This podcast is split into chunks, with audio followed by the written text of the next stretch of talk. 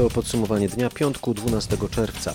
Hasła klucze dziś to godzina zero na granicach, tłumy w kurortach, hasło na sukiennicach, lajkonik w internecie i zamojskie przeprosiny. Michał Zieliński, zapraszam. Od północy po niemal trzech miesiącach Polska znów otworzy granice. Rozporządzenie ministra spraw wewnętrznych i administracji w tej sprawie zostało opublikowane po południu w Dzienniku Ustaw. Kontrole graniczne zostaną zniesione dla mieszkańców strefy Schengen. O szczegółach opowie nasz dziennikarz Patryk Michalski. Nowe przepisy oznaczają, że od północy Polacy po przekroczeniu granicy nie będą musieli odbywać kwarantanny. Również mieszkańcy krajów Unii Europejskiej będą mogli swobodnie podróżować. Sytuacja na granicach powróci do stanu sprzed 15 marca, kiedy wprowadzone zostały restrykcje z powodu koronawirusa. W jednym przypadku obostrzenia zostały zniesione wcześniej. Chodzi o Litwę. Na tamtejszych przejściach zniesiono kontrolę już o 9 rano. Co ważne, w ten weekend nie będziemy jeszcze mogli pojechać swobodnie do Czech, bo nasi sąsiedzi dopiero od poniedziałku poniedziałku zaczną wpuszczać Polaków na swoje terytorium bez wymogu wykonania testu na koronawirusa. To informacja dnia. Punktualnie o północy otwarte zostaną przejścia graniczne na wewnętrznej granicy Unii Europejskiej. Jak mówi Paweł Rodzoś, dyrektor Wydziału Bezpieczeństwa i Zarządzania Kryzysowego Zachodnio-Pomorskiego Urzędu Wojewódzkiego, już rano rozpoczęły się przygotowania do tego, by punktualnie usunąć z zamkniętych od trzech miesięcy granic wszystkie blokady. Podejmujemy w tej chwili działania, już praktycznie je realizujemy z takim wyliczeniem, ażeby faktycznie od północy były one otwarte. W naszym pasie granicznym ponad 150-kilometrowym mamy 17 punktów przejścia e, między Niemcami a Polską. Są to różne przejścia i piesze, i rowerowe, i udrożnione, i nie. Wszystkie te punkty będą od godziny północnej czynne. Nie będzie tam po prostu nikogo. Wszystkie zapory inżynieryjne, które były stawiane i wszystkie przegrody będą dzisiaj pozdejmowane, zlikwidowane i przejście będzie po prostu tak, jak e, było to przed 13 marca. Przygotowania trwają również po przeciwnej stronie Polski, chociaż e, przypomnijmy, że Słowacja nadal nie umieściła Polski na liście krajów, z których zdjęto zakaz przyjazdów.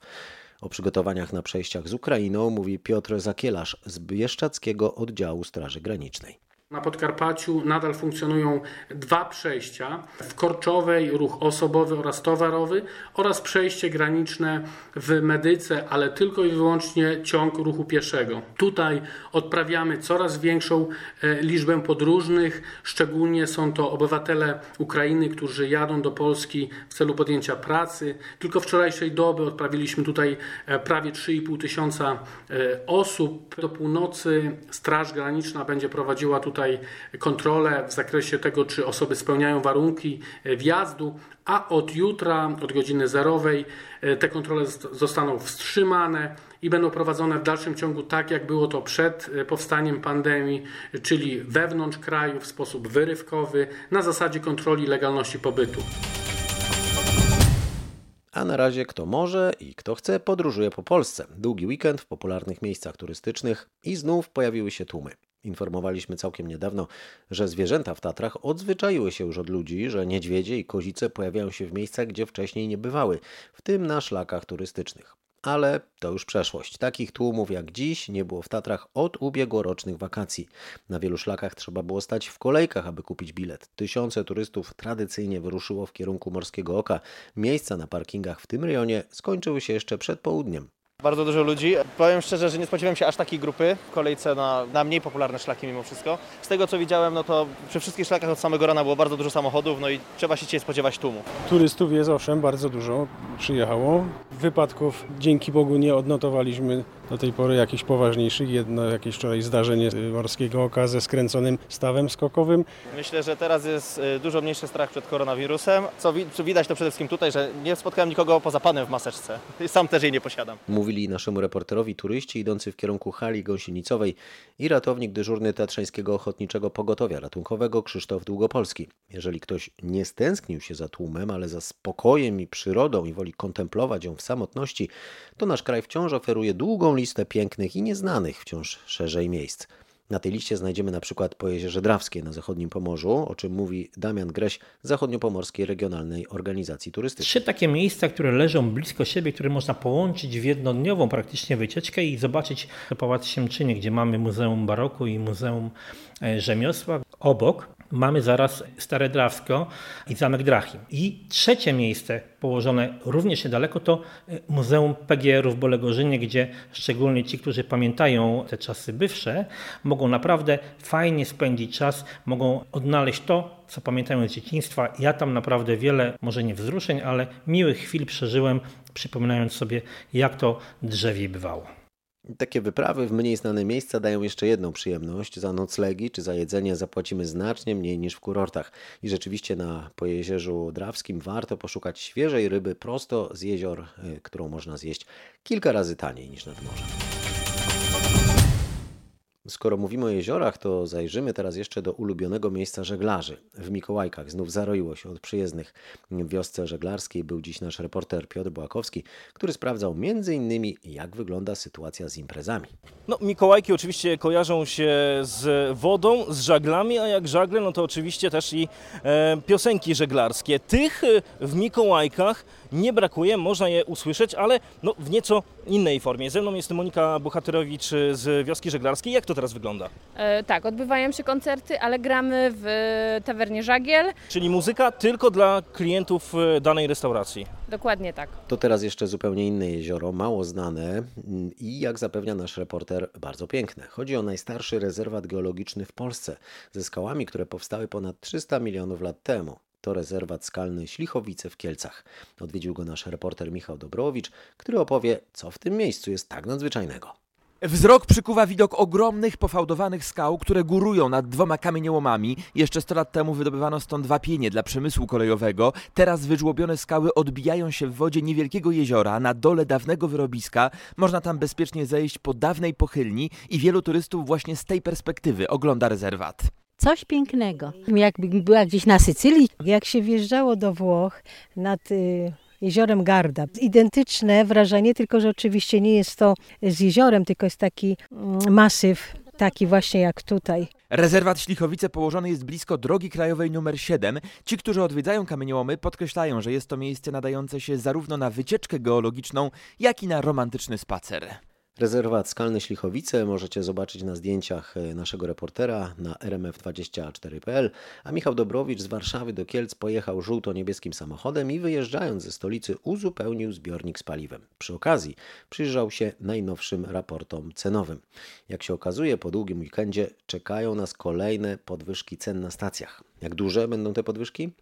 Za liter paliwa jeszcze przed wakacjami możemy zapłacić więcej od kilku do kilkunastu groszy. To oznacza, że średnia cena zarówno popularnej 95, jak i oleju napędowego przekroczy 4 zł i 30 groszy za litr. Wzrost cen na stacjach już zauważyli kierowcy w Warszawie. Niewiele, ale jest już więcej. O ile pan więcej zapłacił? Parę groszy, paręnaście. Teraz już powyżej 4 zł i to 4,10. Było poniżej przecież 4 zł. Przednio płaciłem jeszcze taniej. Przeszkadza, bo już było chwilę taniej, więc wszyscy się cieszyli, a teraz wiadomo, że trochę to boli. Średnia cena benzyny bezołowiowej w Polsce to teraz 4 zł i 15 groszy za litr. Oleju napędowego o 5 groszy więcej, a autogazu złotówka i 92 grosze.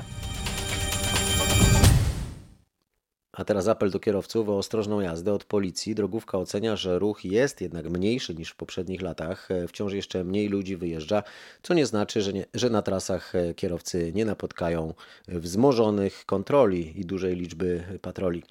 E, Joanna Kącka z Komendy Wojewódzkiej w Łodzi mówi również o tym, by pamiętać o zachowywaniu zasad bezpieczeństwa. Choć nie ma zakazu podróżowania, przemieszczania się, pamiętajmy o ograniczeniach wynikających ze stanu e, epidemii. Unikajmy dużych skupisk ludzi, starajmy się zachować dystans społeczny. Może już nie tym razem hasło zostań w domu, ale na pewno zachowaj dystans. Planując podróż, pamiętajmy, aby zabrać ze sobą maseczki ochronne oraz środki dezynfekujące, rękawiczki. Będą potrzebne na pewno w sklepach czy na stacjach benzynowych. W tym roku na pewno w związku z tym szczególnym stanem ruch będzie mniejszy, tym niemniej jednak wiele osób planuje wyjazd poza miasto e, na działki letniskowe czy gdzieś w jakieś inne rejony rekreacyjne. Może tam e, dochodzić do, do no, dość dużej liczby osób, które będą chciały w tym konkretnym miejscu spędzić czas, więc apelujemy, zachowujmy dystans.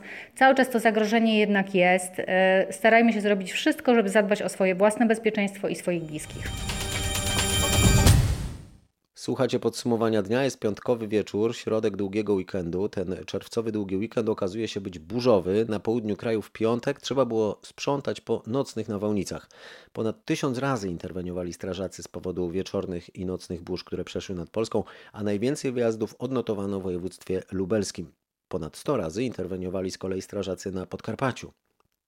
W sześciu przypadkach pomagaliśmy zabezpieczyć uszkodzone dachy na budynkach gospodarczych i mieszkalnych. Pozostałe nasze interwencje to usuwanie połamanych konarów drzew i drzew leżących na jezdniach, chodnikach i posesjach. Najwięcej interwencji odnotowaliśmy w powiatach przemyskim, jarosławskim, przeworskim, stalowowolskim, tarnobrzeskim i niżańskim. Na szczęście nikt nie został ranny, nikomu nic się nie stało. E, mówi brygadier Marcin Betleja, rzecznik prasowy Podkarpackiej Straży Pożarnej. W piątek rano bez prądu było ponad 17 tysięcy odbiorców, najwięcej spośród nich e, na Lubelszczyźnie. Po tych wczorajszych nawałnicach strażacy w Małopolsce interweniowali ponad 60 razy. Tam też zerwane były linie energetyczne. Niebezpiecznie wezbrały również rzeki, o czym mówi Sebastian Woźniak z Małopolskiej Straży Pożarnej.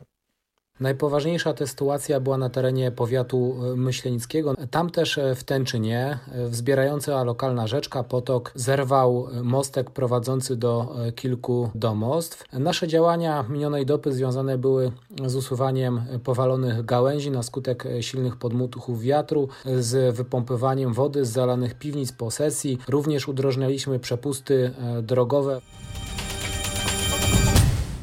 a w Krakowie trzeba będzie usunąć napis z sukiennic. Temu, kto napisał na murze zabytku Duda 2020, grozi nawet 8 lat więzienia. Oprócz elewacji sukiennic, takie same napisy odnaleziono na elewacjach również innych budynków na terenie miasta. Otrzymaliśmy zgłoszenie od pracownika sukiennic, że uszkodzony został zabytkowy budynek. Zrobiliśmy oględzinę, zabezpieczony został również monitoring. Obecnie prowadzone są czynności pod kątem wykrycia sprawcy. Jako, że mamy tutaj zdarzenie, które dotyczy uszkodzenia zabytku, osobie, która się tego dopuściła, grozi nawet do 8 lat pozbawienia wolności. Ujawnionych jeszcze zostało kilka takich napisów na terenie Krakowa. Tegorocznych wyborach korespondencyjnie może głosować każdy, kto znajdzie się w spisie wyborców. Taki zamiar można zgłosić ustnie, pisemnie albo za pomocą formularza elektronicznego. Natomiast nie można informować o takim zamiarze telefonicznie, podkreśla Witold Fontner z Urzędu Miasta Łodzi. Ustnie wcale nie oznacza, że może być to telefonicznie. Ustnie jest to, należy przyjść do urzędu i opowiedzieć, podać urzędnikowi e, swoje dane osobowe. Jest to e, interpretacja dla nas bardzo e, dziwna, wręcz absurdalna, zważywszy na to, że godzi to przede wszystkim wyborców niepełnosprawnych. Jak również w dobie pandemii zmuszamy ludzi, aby pojawiali się w urzędzie, ewentualnie przesyłali dokumenty, papiery i urzędnicy mieli z tym kontakt. E, zamiar głosowania korespondencyjnego należy zgłosić do 16 czerwca. Wyjątkiem są osoby w kwarantannie, które mają czas do 23 czerwca, natomiast ci, którzy na kwarantannę trafią po 23 czerwca, mogą zgłosić chęć oddania głosu do 26 tygodniu przed wyborami prezydenckimi na unijnym szczeblu wrócą kwestie związane ze sporem o praworządność w Polsce. Ustaliła to nasza korespondentka w Brukseli. Przypomnijmy, że wybory odbędą się 28 czerwca. Y, Katarzyna Szymańska-Borgino o tym, co konkretnie wydarzy się w tej sprawie przed tą datą. 22 czerwca, a więc poniedziałek, odbędzie się w Komisji Europarlamentu do Spraw Wolności Obywatelskich debata na temat praworządności w Polsce w związku z niesłychanie krytycznym raportem hiszpańskiego eurodeputowanego Lopeza Aguilara. Europejscy chadecy chcą jeszcze bardziej zaostrzyć wymowę dokumentu, a oczywiście eurodeputowani PiS uważają, że raport w ogóle nie powinien powstać. Zanosi się więc na ostrą debatę. Z kolei do 24 czerwca Polska ma termin na odpowiedź w sprawie dostosowania się do nakazu CUE dotyczącego zamrożenia funkcjonowania Izby Dyscyplinarnej Sądu Najwyższego. Jeżeli komisja uzna, że Warszawa nakazu nie wykonuje, to może wnioskować o kary do Unijnego Trybunału Sprawiedliwości. Na Słowacji nie milkną echa wczorajszego ataku na szkołę w miejscowości Wrótki. 22-latek zabił tam zastępcę dyrektora placówki i ranił cztery inne osoby. W czasie ucieczki z miejsca zbrodni został zastrzelony przez policjantów. Maciej Pałachicki przeglądał dziś słowacką prasę mm, i odpowie na pytanie, czy wiadomo już, co kierowało napastnikiem. Te motywy wciąż bada słowacka policja. Mówi się jednak i pisze o tym, że z napastnikiem, który chodził do tej szkoły, były już wcześniej problemy. Dyrektor szkoły wyklucza jednak, by zemsta była motywem jego działania. Wskazuje się raczej na jego problemy psychiczne. Na Słowacji mówi się też o niewystarczającym zabezpieczeniu szkół przed tego typu atakami. Placówkę we Wrótkach chroniły tylko jedne szklane drzwi. Napastnik nie miał więc problemów z wejściem do środka. Zaatakował nożem i zabił zastępcę dyrektora szkoły, który stanął w obronie uczniów, a następnie ranił nauczycielkę i dwie uczennice, a także woźnego, który ruszył za nim w pościg. Podczas próby zatrzymania zaatakował policjantów, którzy musieli użyć broni palnej. W podsumowaniu dnia teraz Rosja. W Moskwie protesty przeciwko zmianom w konstytucji. Głosowanie ma się odbyć 1 lipca. Te zmiany pozwoliłyby rządzić Władimirowi Putinowi aż do 2036 roku. O akcjach opozycji w czasie pandemii koronawirusa z Moskwy Przemysław Marzec. Demonstranci wychodzą nocą i w niewielkich grupach do zaprezentowania niezgody wykorzystują graffiti. W centrum stolicy pojawiają się napisy: Putin musi odejść, nie dla zmian. Nie mamy teraz innej możliwości protestu, bo za pojedyncze pikiety zatrzymują, odwożą na komisariaty, karzą grzywnami jak za prowadzenie nielegalnych masowych akcji. Wychodzimy nocą i w centrum piszemy hasła, aby ludzie to chociaż zobaczyli. Władze liczą na frekwencję co najmniej 55%. Prowadzona jest kampania zachęcająca do głosowania. Aktywiści powtarzają, Putin nie może rządzić do końca życia. Protestujący francuscy policjanci zorganizowali wiec przed Pałacem Elizejskim i gmachem Ministerstwa Spraw Wewnętrznych w Paryżu. Uczcili minutą ciszy pamięć funkcjonariuszy, którzy zginęli ścigając przestępców. Marek Gładysz, nasz korespondent w Paryżu, mówi, że policjanci żądają spotkania z prezydentem Emmanuelem Macronem i uważają, że są nieuczciwie oskarżani o rasizm. Francuscy policjanci oburzają się, że na całym świecie odbywają się demonstracje ku czci pamięci przestępców, którzy stracili życie w czasie aresztowań, ale nikt nie przejmuje się zabijanymi przez bandytów funkcjonariuszami, którzy na przykład we Francji pracują w coraz gorszych warunkach. Brakuje sprawnie działającego sprzętu i radiowozów. W ubiegłym roku zginęło tu 19 policjantów, a ponad 20 tysięcy zostało rannych. W tygodniku Marian ciemnoskórzy stróże porządku protestują przeciwko oskarżaniu policji o rasizm, oburzają się, że antyrasistowscy aktywiści nazywają ich kolaborantami i niewolnikami tylko dlatego, że noszą policyjne mundury. Coraz bliżej wyjaśnienia tajemnicy sygnałów radiowych docierających na Ziemię z kosmosu. Po raz pierwszy zostały zarejestrowane w 2007 roku. Teraz uczonym z Uniwersytetu w Manchesterze udało się ustalić wzór, według którego są emitowane. A opowie o tym nasz brytyjski korespondent Bogdan Frymorgan. To seria krótkich impulsów radiowych. Emitowane są przez 90 dni, po czym znikają na kolejne 67. Ich źródłem są prawdopodobnie czarne dziury lub gwiazdy neutronowe, choć nie brak głosów sugerujących, że sygnał ten może pochodzić od obcych cywilizacji, które próbują w ten sposób nawiązać z nami kontakt. Obecnie panuje cisza, ale uczeni są przekonani, że sygnał pojawi się ponownie przed 28 sierpnia. Zjawisko to od lat fascynuje astronomów. Ustalenie cyklu, w jakim się pojawi, pojawia, pomogło im wykluczyć potencjalne źródła jego pochodzenia, np. kosmiczne kataklizmy manifestujące się jednostkowymi sygnałami, których nie da się przewidzieć.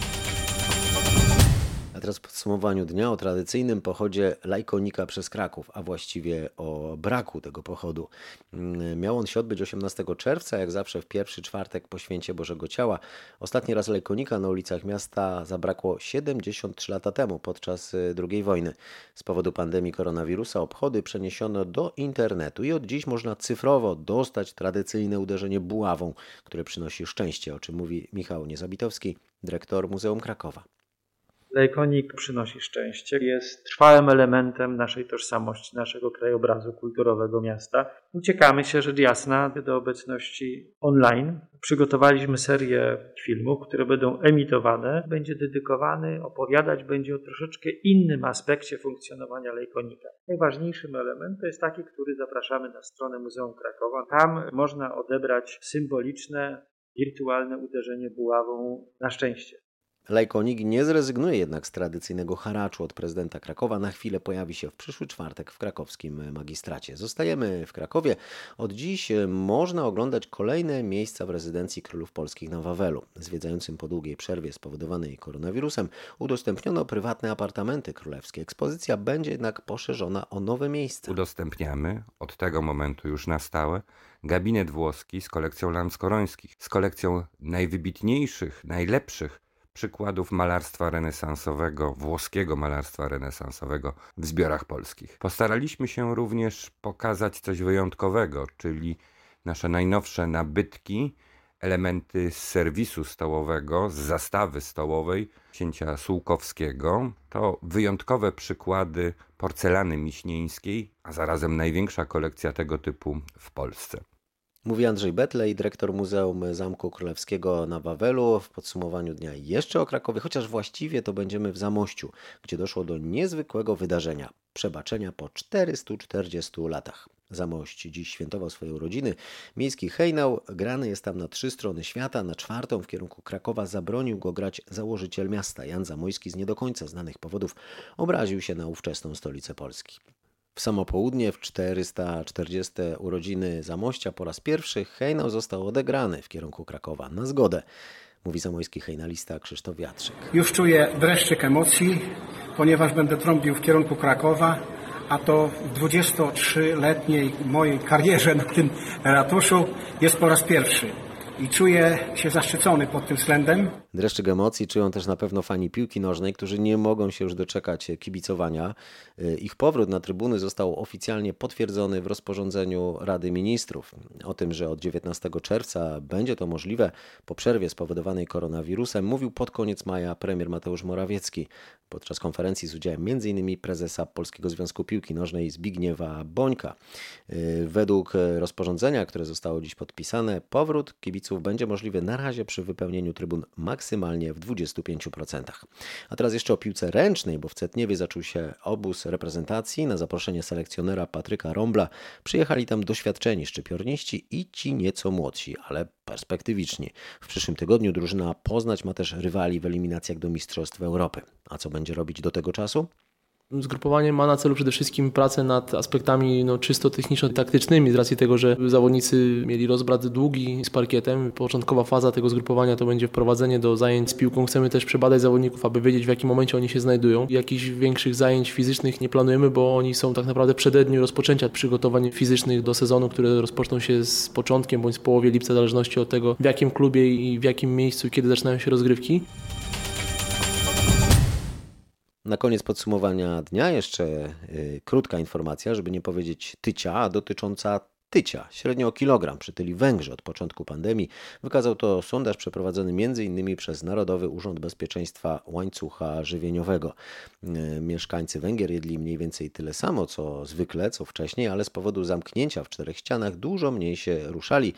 Rzadziej też chodzili do sklepu, ale to spowodowało, że kupowali bardziej świadomie. Co najważniejsze, wiele osób wykorzystało ostatnie miesiące na to, by zacząć samemu gotować i zdrowiej się odżywiać. Być może ten długi weekend można wykorzystać również na to, by ugotować sobie coś pysznego. Życzę wszystkim smacznego, dziękuję za uwagę, pozdrawiam, do usłyszenia i na koniec jeszcze zachęcam do subskrybowania podcastu Podsumowanie Dnia.